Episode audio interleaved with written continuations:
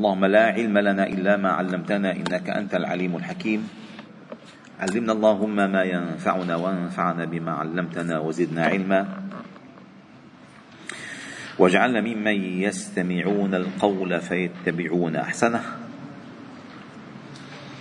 وأدخلنا برحمتك في عبادك الصالحين. ربنا اشرح لنا صدورنا ويسر لنا أمورنا واحلل عقد ألسنتنا ليفقه الناس قولنا. ربنا لا تؤاخذنا إن نسينا وأخطأنا. ربنا ولا تحمل علينا إصرا كما حملته على الذين من قبلنا. ربنا ولا تحملنا ما لا طاقة لنا به. واعف عنا واغفر لنا وارحمنا. أنت مولانا فانصرنا على القوم الكافرين. ربنا إننا سمعنا مناديا ينادي للإيمان أن آمنوا بربكم فآمنا. ربنا فاغفر لنا ذنوبنا وكفر عنا سيئاتنا وتوفنا مع الأبرار. ربنا وآتنا ما وعدتنا على رسلك ولا تخزنا يوم القيامة إنك لا تخلف الميعاد. ربنا آتنا من لدنك رحمة وهيئ لنا من أمرنا رشدا. ربنا آتنا من لدنك رحمة وعلمنا من لدنك علما. ربنا آتنا من لدنك رحمة وهيئ لنا من أمرنا مرفقا. ربنا هب لنا من أزواجنا وذرياتنا قرة أعين واجعلنا للمتقين إماما. ربنا اغفر لنا ولإخواننا الذين سبقونا بالإيمان ولا تجعل في قلوبنا غلا للذين آمنوا. ربنا إنك رؤوف رحيم. وبعد.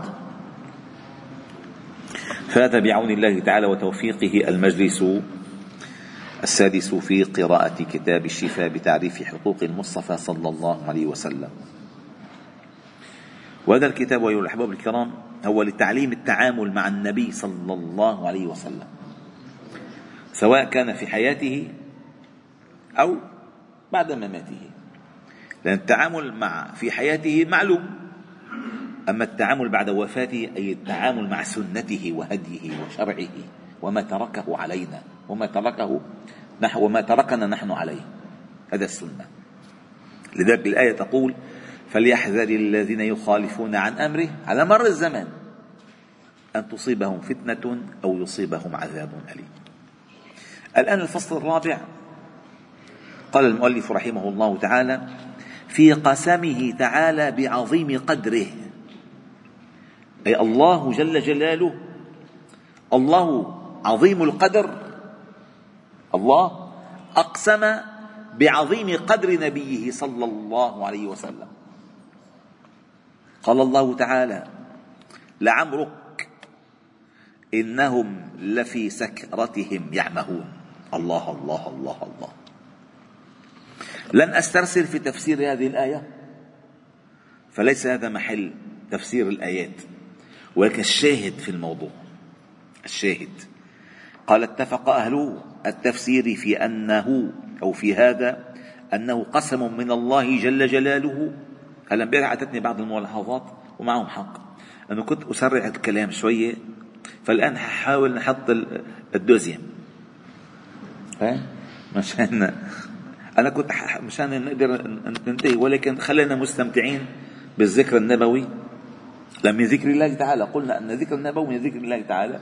فإن شاء الله تعالى الله يعطينا السكينة والرحمة ويعني ينفعنا بما آه، نسمع إن شاء الله قال قال اتفق أهل التفسير في هذا أنه قسم من الله جل جلاله بمدة حياة محمد صلى الله عليه وسلم.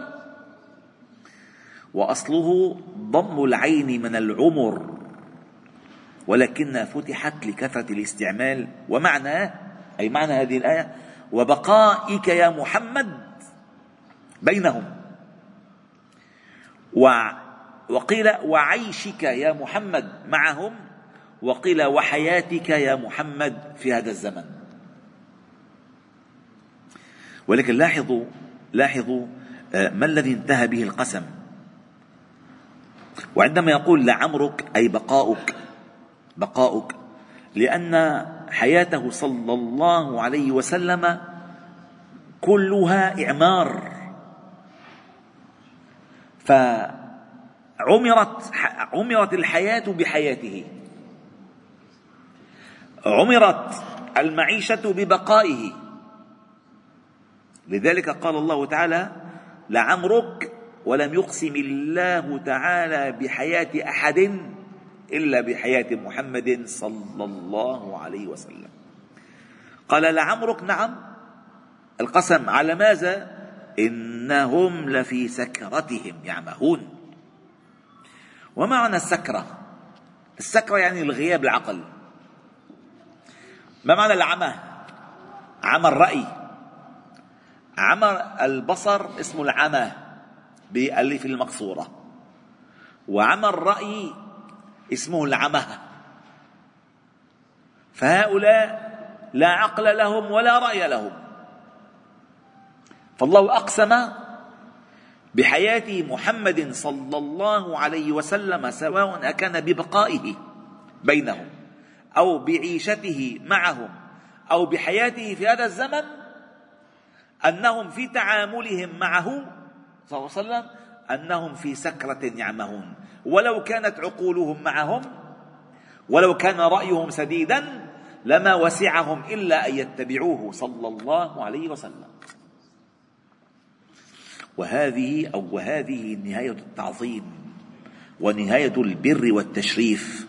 قال ابن عباس رضي الله عنهما ما خلق الله تعالى وما ذرأ وما برأ نفسا أكرم عليه من محمد صلى الله عليه وسلم. وما سمعت الله تعالى أقسم بحياة أحد غيره. صلى الله عليه وسلم. وقال أبو الجوزاء ما أقسم الله تعالى بحياة أحد غير محمد صلى الله عليه وسلم لأنه أكرم البرية عنده. وقال تعالى ياسين والقرآن الحكيم إنك لمن المرسلين. فاختلف المفسرون في معنى ياسين على أقوال. فحكى أبو محمد مكي أنه روي عن النبي صلى الله عليه وسلم أنه قال لي عند ربي عشرة أسماء وذكر منها طه وياسين اسمان له. وهذا الحديث فيه ضعف ظاهر حتى وضعه المصنفون في علم الحديث أنه من الأحاديث المردودة. وعن ابن عباس وحكى أبو عبد الرحمن السلمي عن جعفر الصادق رحمه الله تعالى أنه قال أنه أراد يا سيد مخاطبة لنبيه صلى الله عليه وسلم. وعن ابن عباس ياسين يا إنسان أراد محمدا صلى الله عليه وسلم. قال وهو قسم وهو من أسماء الله تعالى. وقال الزجاج قيل معناه يا محمد وقيل يا رجل وقيل يا إنسان.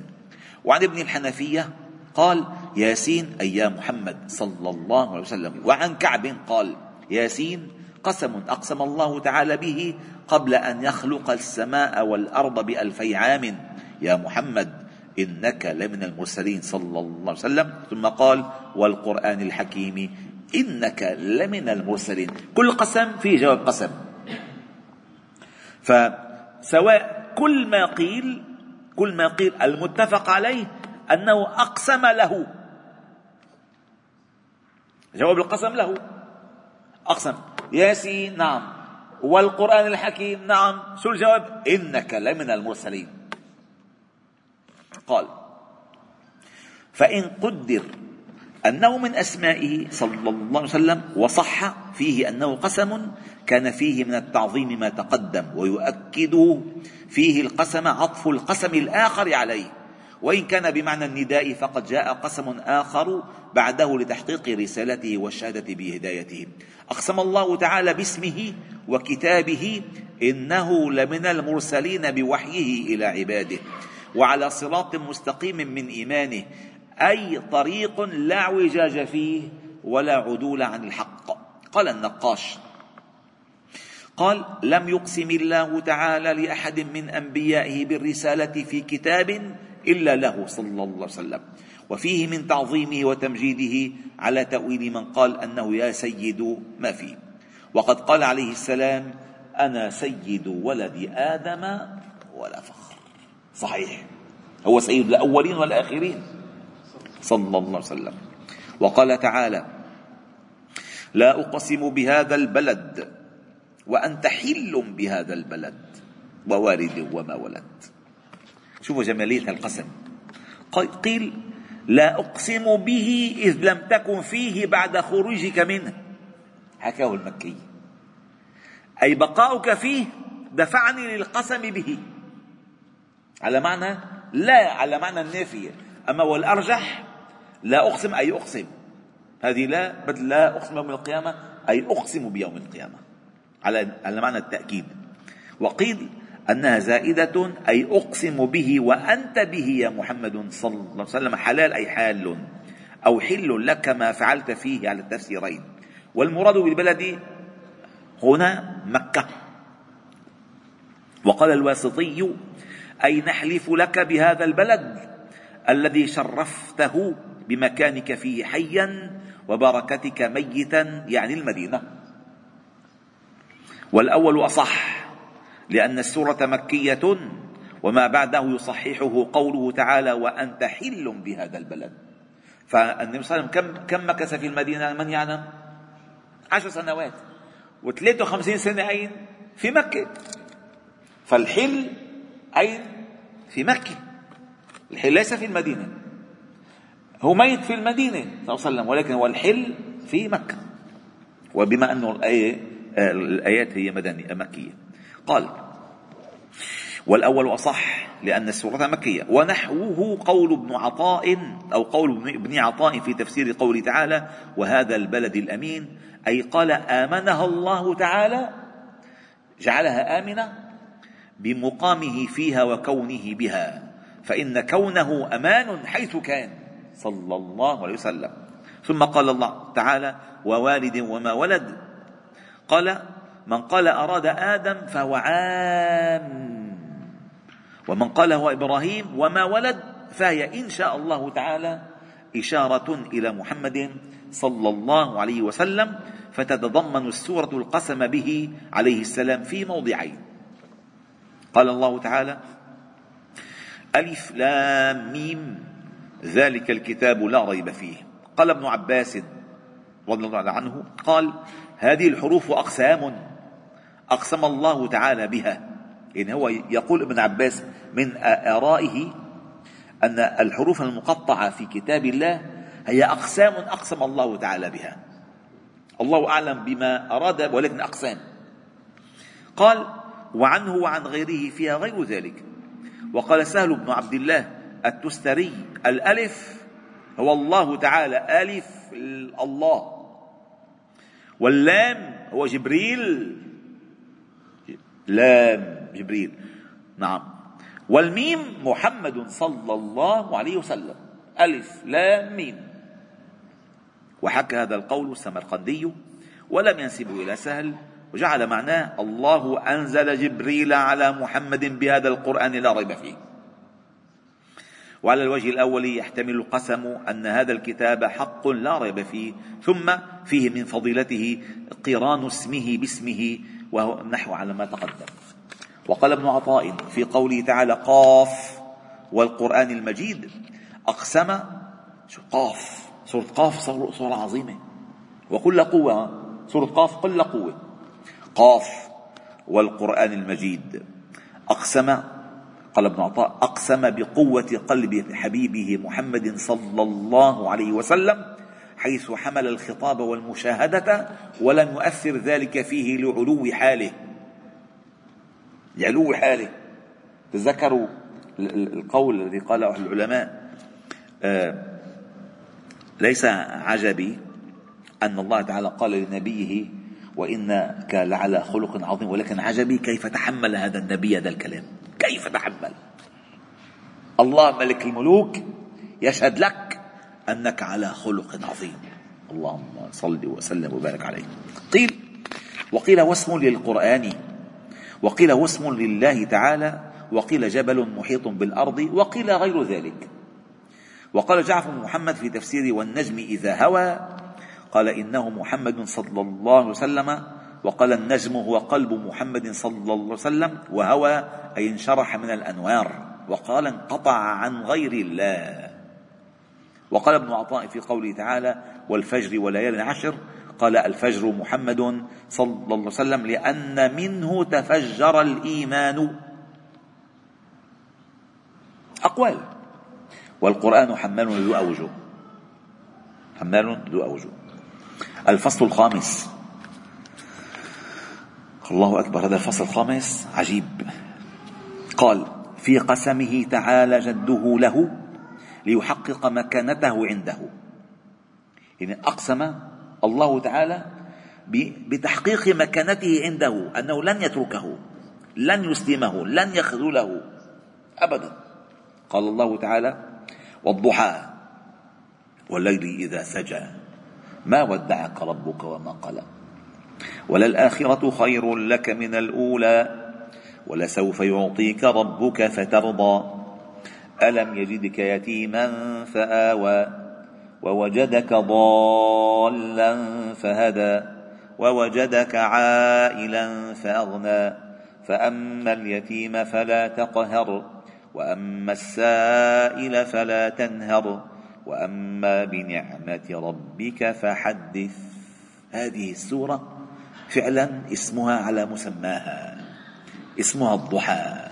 والضحى هو أقوى ساعات النهار. أقوى ساعات النهار. كما أن سجى الليل أقوى ساعات الليل. والضحى والليل إذا سجى. لذلك لما بيقول بيموت الإنسان بيقولوا وسجوه. شو سجوه؟ غطوه كله. المسجى يعني مغطى من أوله لآخره المغطى بالحرام شو بيكون؟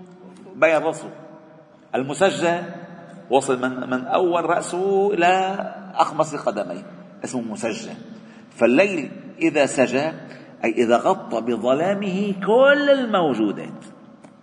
والضحى إذا أضاء بضوئه كل الموجودات. كل الموجودات. فالنبي صلى الله عليه وسلم بضياء هديه أضاء الله له كل شيء. فهذا القسم والضحى.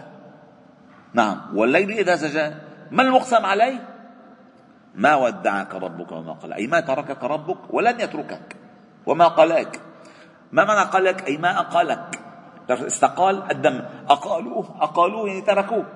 ما قلاك وما قلا قال وقيل فقيل كان ترك النبي صلى الله عليه وسلم قيام الليل لعذر نزل به. فتكلمت امرأة في ذلك بكلام. قيل. وقيل بل تكلم به المشركون عند فترة الوحي وهو الأرجح فنزلت هذه السورة. قال القاضي أبو الفضل رحمه الله العياض تضمنت هذه السورة من كرامة الله تعالى له وتنويهه به وتعظيمه إياه ستة أوجه. هذه السورة البسيطة السورة هذه قصيرة تعد وتضمنت ستة أوجه. الوجه الأول القسم له عما أخبره به من حاله بقوله والضحى والليل إذا سجى أي ورب الضحى وهذا من أعظم درجات المبرة. يعني الضحى بما أنه أقوى أقوى شيء يقسم به في, في, في الضوء فأقسم الله تعالى بأعلى شيء بالضوء على أعلى درجات مبرته به. صلى الله عليه وسلم. الثاني بيان مكانته عنده وحظوته لديه بقوله تعالى ما ودعك ربك وما قلى أي ما تركك وما أبغضك وما أهملك بعد أن اصطفاك. الثالث قوله تعالى وللآخرة خير لك من الأولى قال ابن إسحاق أي مآلك مآلك في مرجعك عند الله أعظم مما أعطاك من كرامة الدنيا. وقال سهل أي ما ادخرت لك من الشفاعة والمقام المحمود خير لك مما أعطيتك في الدنيا. الرابع قوله تعالى ولسوف يعطيك ربك فترضى. قال هذه آية جامعة لوجوه الكرامة وأنواع السعادة وشتات الإنعام في الدارين والزيادة. شو يعطيك حتى ترضى؟ يعطيك حتى ترضى قال ابن إسحاق يرضيه بالفلج في الدنيا أي بالظفر بالنصر والثواب في الآخرة. وقيل وقيل يعطيه الحوض والشفاعة. وروي عن بعض آل النبي صلى الله عليه وسلم أنه قال ليس آية في القرآن أرجى من هذه الآية. ولا يرضى رسول الله صلى الله عليه وسلم أن يدخل أحد من أمته النار. فترضى. لن يرضى. لن يرضى أن يدخل أحد أمته النار. هذه الشفاعة الكبرى يعني. الخامس ما عده تعالى عليه من نعمه. يا الله اسمعوا من النعم. وما قرره من آلائه قبله في بقية السورة. من هدايته إلى ما هداه له أو هداية الناس به على اختلاف التفاسير. وما ولا مال له ولا مال له. فأغناه الله بما آتاه أو بما جعله في قلبه من القناعة والغنى ويتيما فحدب عليه عمه وآواه إليه. وقيل آواه إلى الله فآوى أي آواه الله. وقيل يتيما لا مثال لك فآواك إليه. وقيل المعنى قال ألم يجدك فهدى بك ضالا وأغنى بك عائلا وآوى بك يتيما وذكره بهذه المنن وأنه لم يهمله في حال صغره وعيلته ويتمه وقبل معرفته به ولا ودعه ولا قلاه فكيف بعد اختصاصه واصطفائه. يعني إذا كان قبل النبوة ما تركه يتيما ولا فقيرا ولا كذا أيتركه بعد اختصاصه واصطفائه؟ حاشا وكلا. لذلك هذه السورة من أصيب بغم أو هم أو كرب فليقرأها مرارا ففيها سر عجيب بزرع الأمل وبث الهمة العلية في النفس. لأن الانهزام أيها الكرام الانهزام داخلي والنصر داخلي. وإذا أسرتك المصائب هزمتك الحشرات. كل شيء بتفزع منه. أما إذا كنت مع الله والله الأمة كل الناس يجتمعون عليك قال ولو توكلت علي صادقا لا وكدتك السماوات والأرض لجعلت لك من بينهن مخرجا. لا الأمر بيده ليس بيد غيره. قال السادس آخر وجه أمره بإظهار نعمته عليه وشكره ما شرفه به بنشره. وإشادة ذكره بقوله تعالى وأما بنعمة ربك فحدث. فإن من شكر النعمة الحديث بها وهذا خاص به وعام لأمته. قال الله تعالى والنجم إذا هوى ما ضل صاحبكم وما غوى وما ينطق عن الهوى إن هو إلا وحي يوحى. علمه شديد القوى. ذو مرة فاستوى وهو بالأفق الأعلى ثم دنا فتدلى فكان قاب قوسين أو أدنى فأوحى إلى عبده ما أوحى ما كذب الفؤاد ما رأى أفتمارونه على ما يرى ولقد رآه نزلة أخرى عند سدرة المنتهى عندها جنة المأوى إذ يغشى السدرة ما يغشى. ما زاغ البصر وما طغى. لقد رأى من آيات ربه الكبرى. اختصاصات هائلة لم تكن لقبله أبدا ولن تكون لغيره أبدا. أبدا. اختلف المفسرون في قوله تعالى والنجم. بأقوال معروفة منها النجم على ظاهره ومنها أنه القرآن دليل الوحي.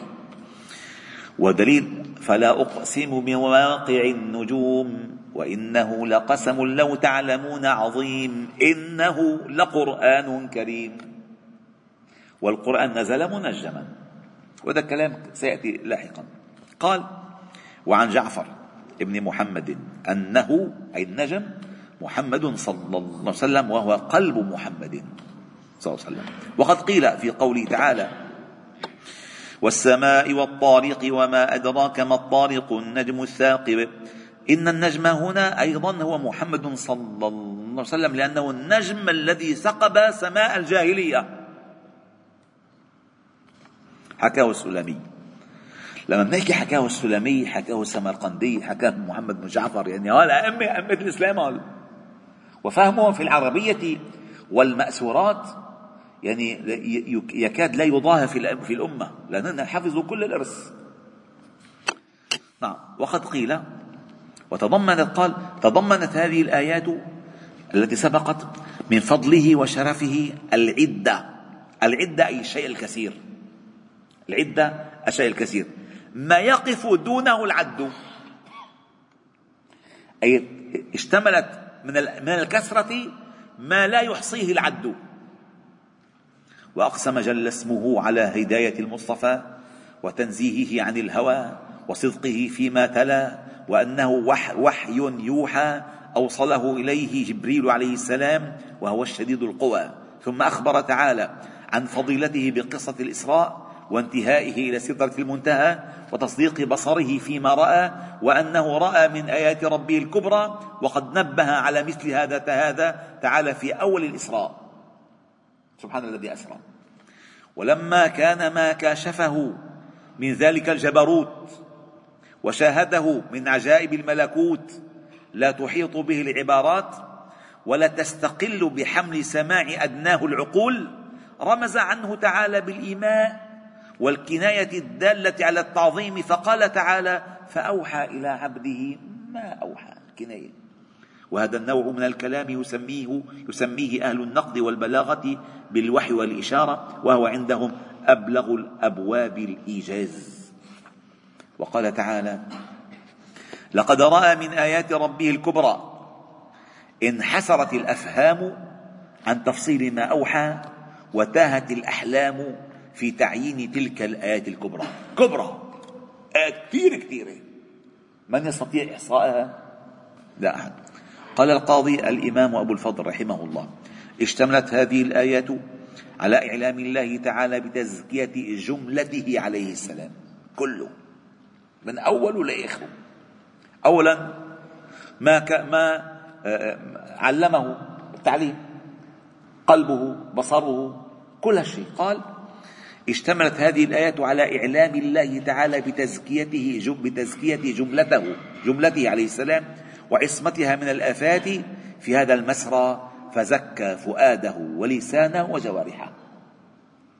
فزكى قلبه بقوله ما كذب الفؤاد ما رأى وزكى لسانه بقوله وما ينطق عن الهوى وزكى بصره بقوله ما زاغ البصر وما طغى وقال تعالى فلا أقسم بالخنس الجوار الكنس والليل إذا عسعس والصبح إذا تنفس إنه لقول رسول كريم ذي قوة عند ذي العرش مكين مطاع ثم أمين وما صاحبكم بمجنون ولقد رآه بالأفق المبين وما هو على الغيب بضنين وما هو بقول شيطان رجيم قال لا اقسم أي اقسم انه لقول رسول كريم أي كريم عند مرسله أي الله.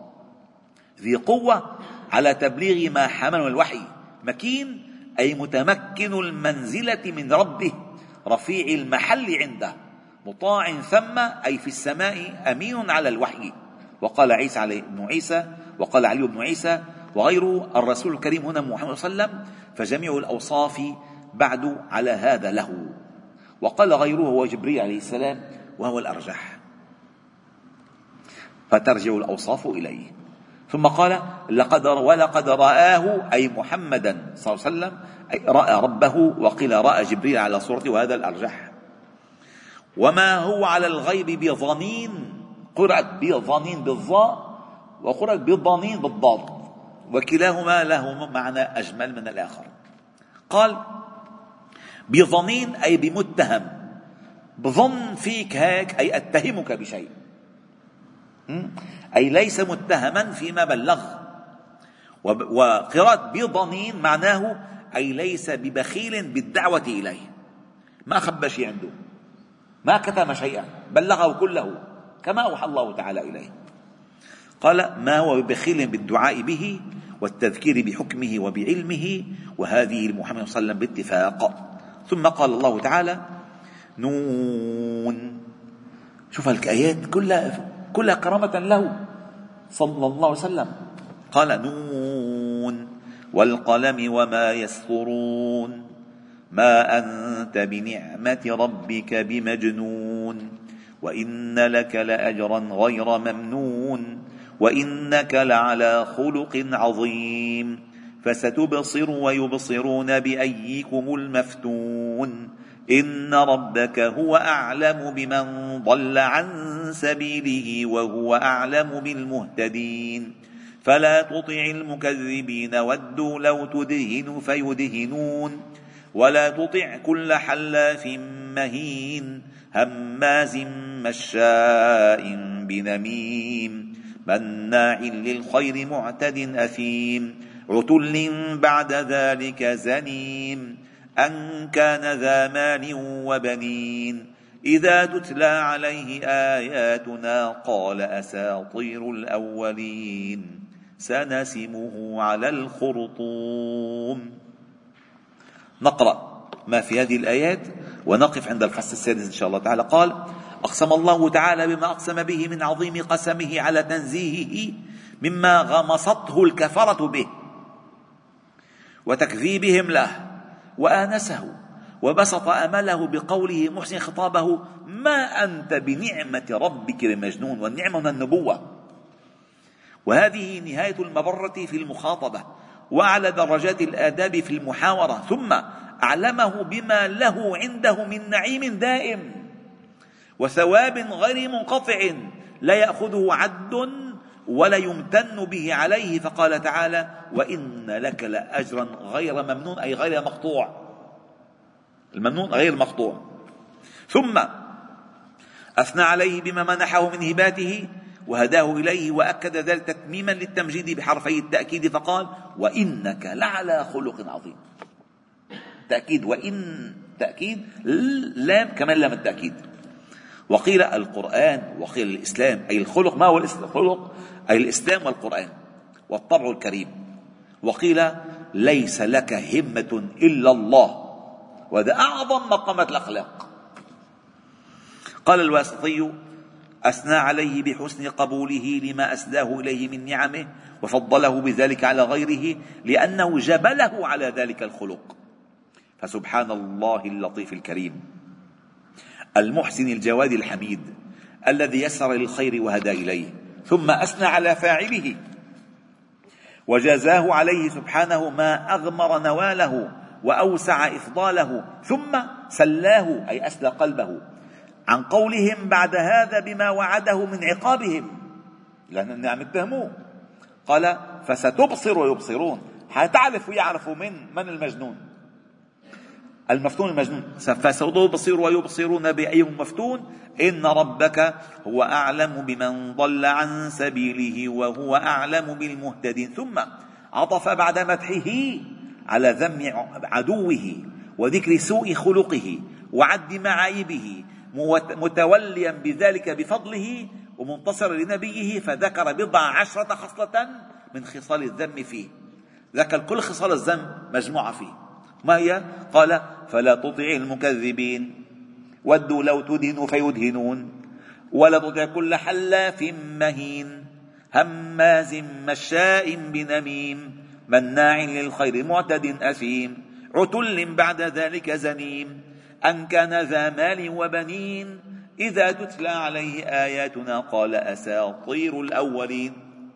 ثم ختم ذلك بالوعيد الصادق لتمام شقائه وخاتمة بواريه بقوله سنسمه على الخرطوم. أي كانت نصرته الله تعالى له أتم من نصرته لنفسه ورده تعالى على عدوه أبلغ من رده وأثبت في ديوان مجده. الله أكبر. يعني فعلا بعد كرامة الله تعالى لنبيه ليس هناك كرامة. فالله تعالى أغناه عن مدح المادحين بأن مدحه ووقاه عن وصم الواصمين بأن عصمه. في آخر سورة الحجر الله قال قال فاصدع بما تؤمر وأعرض عن المشركين انا كفيناك المستهزئين.